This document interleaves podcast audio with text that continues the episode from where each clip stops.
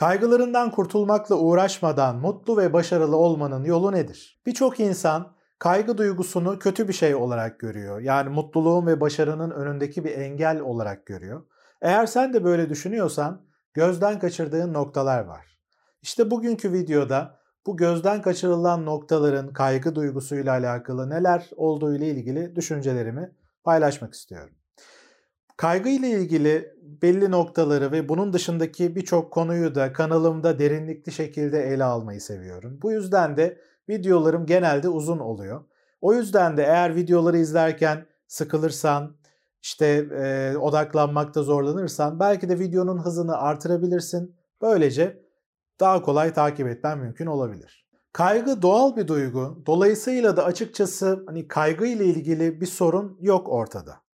Sonuçta mesela cesur e, olduğunu gördüğümüz en profesyonel askerler bile aslında kaygı duygusunu aldırmamışlardır. Çünkü cesaret dediğimiz şey kaygı duygusuna rağmen harekete geçebilmektir. Yani kaygı duygusunu hissediyorken harekete geçebilmeye biz aslında cesaret diyoruz.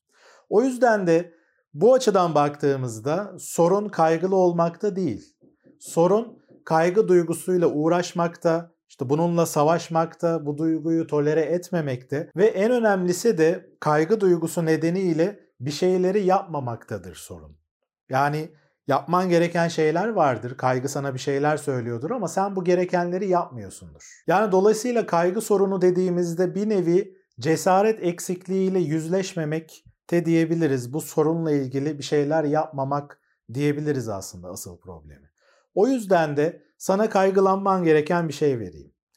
Asıl kaygılanman gereken şey kaygıdan kaygılanma sendromu içine girmekten kaygılanmaktır. Yani kaygıdan kaygılanmaktan kaygılanmanı öneriyorum. Çünkü kaygıdan rahatsızlık duyduğunda, bu kaygı duygusunun kendisiyle uğraştığında birçok şeyi kaçırıyorsun, aslında bu duyguların sana söylemek istediği noktaları göremiyorsun. Yaşam kaliten kısıtlanıyor ve beraberinde birçok farklı sorun ortaya çıkmaya başlıyor. Birçok kişi bu gerçeği kaçırdığı için çok zaman kaybediyor. Bunu çevremden, işte gördüğüm danışanlardan her seferinde tekrar tekrar gördüm. O yüzden de hani buraya kadar anlattığım noktalara özellikle dikkatini vermeni öneriyorum. Şimdi biraz kelime oyunu yaptığım için belki kafan karışmış olabilir. Eğer dediklerim sana yakın gibi geliyorsa, kaygı duygusuyla ilişkinde belli sorunlar var gibi ise birazdan vereceğim örnekler ne demek istediğimi daha iyi anlamanı sağlayabilir. Şimdi hayatın her alanında aslında bu kaygıyla başa çıkma konusu işleri güçleştiriyor, sorunları beraberinde getiriyor. Çünkü kaygıdan kaygılandığın zaman, daha doğrusu kaygıdan rahatsızlık duyduğun zaman ben bu kaygıyı hissetmemeliyim, bu kaygıyı hissetmek işte zayıflıktır, yetersizliktir, acizliktir, bir soruna işaret eder. O yüzden de bu duyguyla başa çıkmalıyım şeklinde belli iç konuşmalara sahip olursun. İşte tam da bu noktada bu kaygı duygusuyla tırnak içinde başa çıkmaya çalıştığında bu başa çıkmak için yaptığın şeyler başka sorunlara neden oluyor ve daha sonra da sen bu diğer sorunlara takılıp odaklandıkça asıl sorunları gözden kaçırıyorsun. Ne demek istediğimi bir örnek üstünden anlatayım. Normalde çocukken duyguları yaşamaktan aslında korkmazsın. Hangi duygun geliyorsa bunu spontan bir şekilde yaşarsın. Ama zaman içinde belli durumlar içine girdikçe mesela anne babanın hoşuna gitmeyen şeyleri yaptıkça başının derde girdiğini görürsün. İşte sevilme ihtiyacın, saygı duyulma ihtiyacın, güvende hissetme ihtiyacın bunun gibi belli temel ihtiyaçlar risk altına girer ve o noktada işte kendi ihtiyaçlarını kenara koyup bu rahatsız edici duyguların sana daha farklı davranma konusunda seni yöneltse bile sen diğerlerini memnun etmek açısından, onların senden beklediği şeyleri yapmaya odaklanmak açısından kendi benliğinden uzaklaşmaya başlarsın. Ve diğerleriyle senin ihtiyaçların çatışıyor gibi olduğunda bir kaygı duygusu hissetmeye başlarsın. Çünkü kendi isteklerin arkasında durmak tehlikeli hale gelmiştir. Çünkü arada eğer bir çatışma çıkarsa işte annem babam, yakınlarım beni sevmeyecek, bana saygı duymayacak gibi şüpheler içine girmeye başlarsın. Bu da sonuçta kaygı duygusu yaratıyor. Ve bu karşılaştığın durumlar sen çocuk olduğun için tolere etmekte çoğu zaman zorlandığın, başa çıkamadığın çok rahatsız edici düzeyde olur.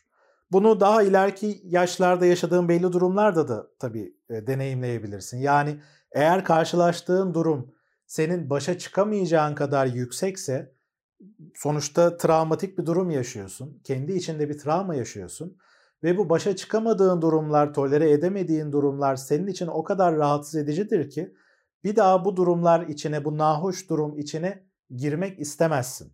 Ve bu durumun kendisi senin için bir kaygı kaynağı haline gelir. İşte o noktada bu başa çıkamayacağın durumlar, daha doğrusu belki de başa çıkamayacağını düşündüğün durumlarda diyebiliriz. Çünkü hani bir durumla başa çıkamaman o anda gerçekten o durumun başa çıkılamaz olduğu anlamına gelmeyebilir. Sen o anda fark ettiğin, bildiğin e, başa çıkma yöntemleriyle başa çıkamıyorsun demektir. Ya da sahip olduğun kaynakları yeterince verimli kullanmıyorsundur. İşte böyle bir durum içine girmek istemezsin. Çünkü insanın kendini yetersiz, güçsüz, çaresiz hissetmesi hiç de güzel bir şey değil. Hiç iyi hissettirmez. O yüzden de artık kaygıdan kaygılanmaya başlarsın. Seni kaygılandıracak durumlar içine girmekten kaygılanmaya başlarsın. Diğer bir örnek mesela ergenlik dönemine doğru geçtiğinde sonuçta dönemsel olarak da diğerlerinin onayına çok ihtiyaç duyarsın. Kendine duyduğun saygı için diğerlerine e, karşı güçlü görünmek istersin. Ve eğer ezik görünmekle ilgili, güçsüz görünmekle ilgili belli kaygılar oluştuysa, belki birileri seni ezmeye çalıştı, sen de yeterince iyi başa çıkamadığını hissettin diyelim ki bu tür durumlarla. O noktada işte ezik görünmemek için belki de kendini ispatlamaya çalışırsın. İşte kendini ispatlamak için belki de çok uygun olmayan şeyler yapmaya başlarsın. Bu noktada da işte aslında kaygıdan kaygılanma sendromu var. Yani o kaygılı durum senin için çok tolere edilemez olduğu için bu durumun içine girmemek istersin. Bu bir kaygı yaratır ve bununla başa çıkmaya çalışırsın. Ama yine işte başa çıkmaya çalıştığın noktaların kendisi daha sonra sorunlar getirmeye başlar. İşte sürekli kendini diken üstünde hissedersin, gergin olursun, sürekli bir şeyleri ispatlamaya çalışmak gerçekten çok yorucu ve duyguların sürekli dalgalı gibi hissedersin. Eğer yeni bir ilişkiye başlarken de yine kaygıdan rahatsızlık duyarsan, işte ya aramızda bir bağ oluşmazsa, ya beğenmezse beni, ya yine sorun yaşarsam gibi belli kaygıların varsa o noktada da aslında yine kaygıdan kaygılanma sendromu içine giriyorsun. Ve özellikle de kaygı duygusunu içinde hissettiğinde belki de çok kendin olamıyorsun. İşte karşı tarafı memnun etme moduna fazla giriyorsun. O zaman da kendi benliğinden uzaklaştığın için aslında sağlıksız olmayan ilişkilere de girme riskin gündeme geliyor. Sonra da ben niye hani e, sağlıksız kişileri hayatıma çekiyorum diye yakındığın bir durum içinde buluyorsun kendini. Yine bununla paralel bir şekilde işte sevgilinle, eşinle diyelim ki tartışmalar içine girmekten kaçınan bir tarafın var. Çünkü eğer tartışma içine girersen, daha doğrusu kendi düşüncelerini ortaya koyarsan, anlaşmazlık olsa bile, işte bu tartışmaların kavgaya dönüşeceğinden, iyice hararetleneceğinden ve ilişkinizi belki de çok büyük bir çıkmaza sokacağından korkuyorsun. Hal böyle olunca da hani o kaybetme korkularıyla birlikte aslında kendi benliğinden yine uzaklaşıp mutsuz bu ilişkiyi kabul etmiş oluyorsun. Bunun da temelinde işte terk edilme, pişman olma, yalnız kalma gibi korkular olabilir. Yani bu korkulu durumun kendisi yine tolere edilemez olduğu için aslında seni daha sonrasında zora sokan belli durumlar içine girmeye seyirci kalıyorsun. Buradaki örnekleri daha da artırabiliriz. Açıkçası bu kaygıdan rahatsızlık duyma sendromunu, bu kaygı sorunlarını diğer birçok psikolojik problemde de görebiliriz. Başta kaygı bozuklukları tabii ki. İşte obsesif kompulsif bozukluk, travma sonrası stres bozukluğu, depresyon, yeme bozuklukları, yetersizlik, değersizlik eksikliğini hissetmekle ilgili belli sorunlar gibi birçok konu aslında bu kaygıdan kaygılanma sendromuyla doğrudan bağlantılıdır. Bu bağlantı nasıl oluyor diye düşünecek olursan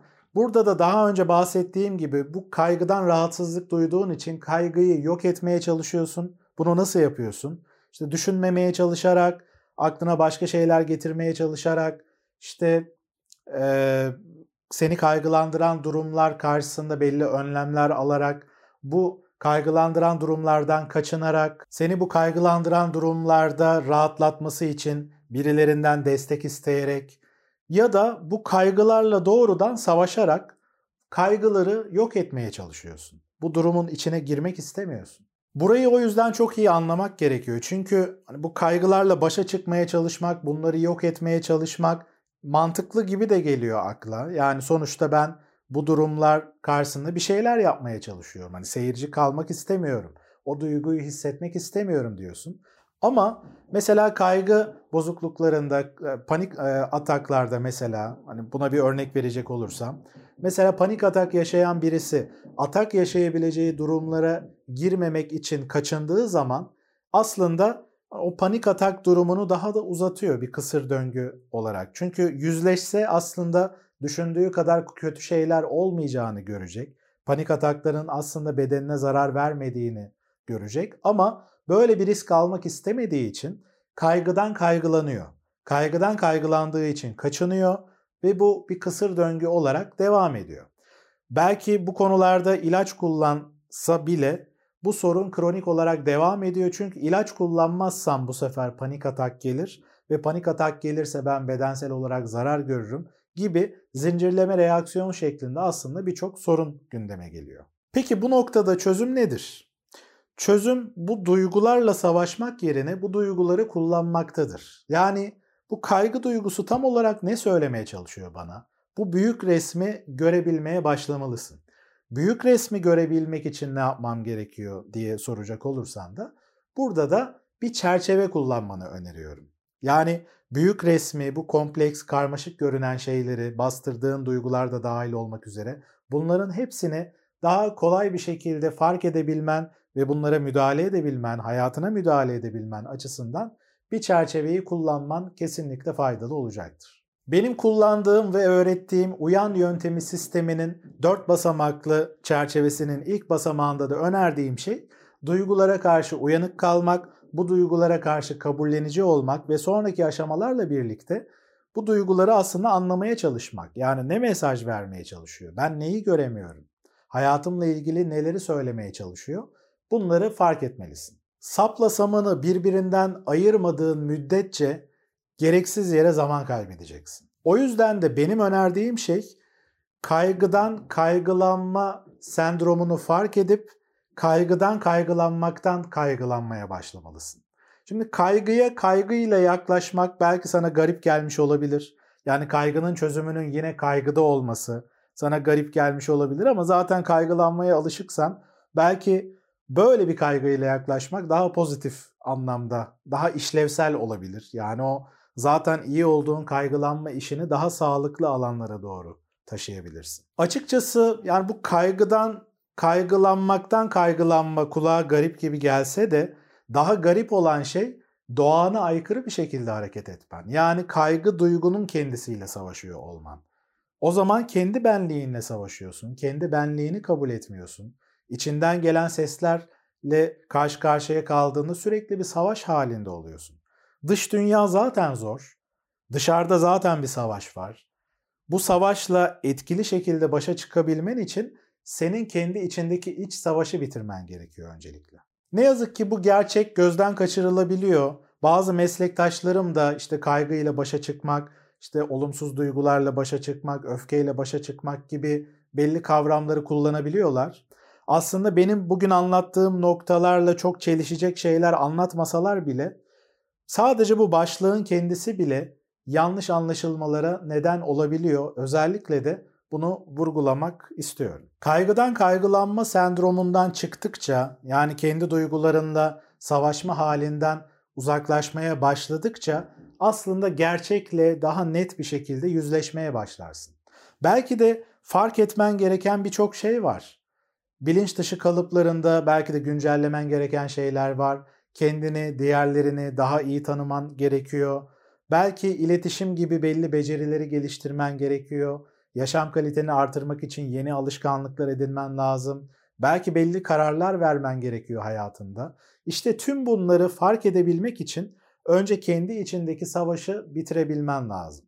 Bitirmeye niyetlenmen gerekiyor. Tabii bitir deyince bitecek bir şey değil. Kaygıdan kaygılanma virüsü altındayken bu dediklerimi sağlıklı şekilde düşünebilmen kolay olmayacaktır. Yani az önce söylediğim tarzdaki ihtiyaç duyduğun şeyleri, farkındalıkları, eylemleri hayata geçirmen çok zor olacaktır. Bunları fark edemeyeceksin. Çünkü senin odak noktan daha başka bir noktada olur. Kaygıdan kaygılanma sendromundayken.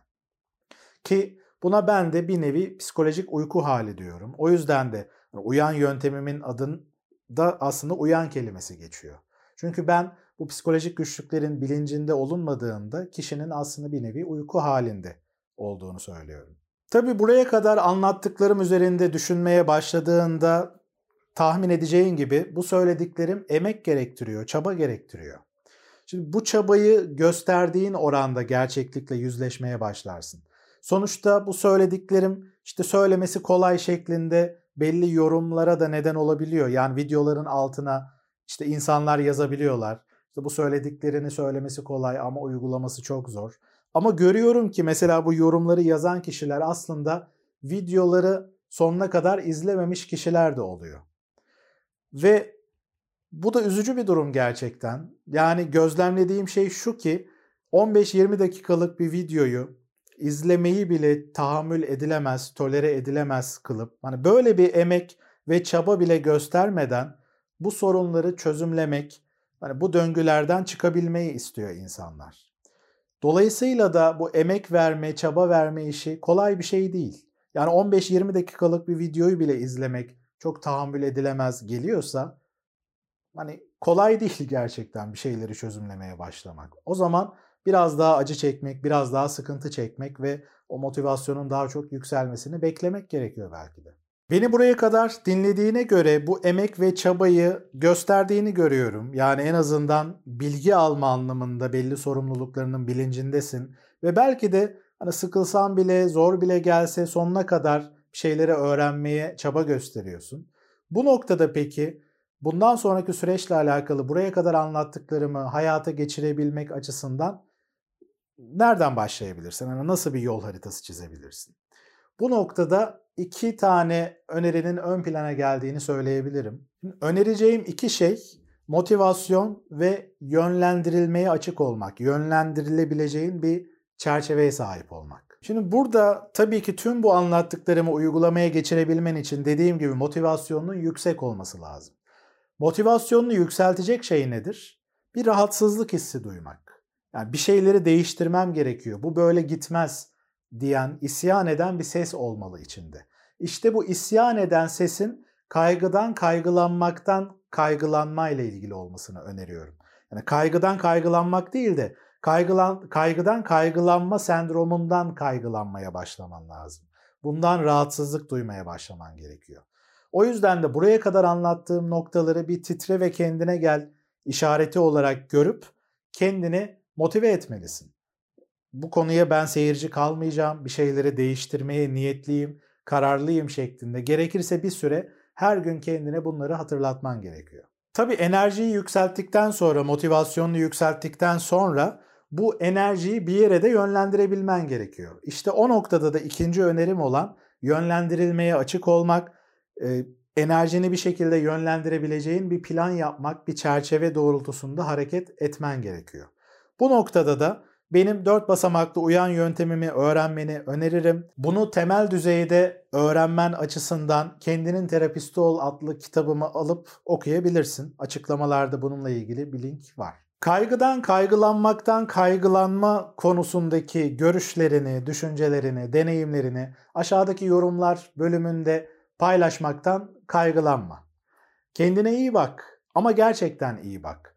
Bu bahsettiğim daha sağlıklı kaygılanmayı göz önünde tutarsan bu konuda güzel bir adım atmış olacaksın. Tekrar görüşmek üzere.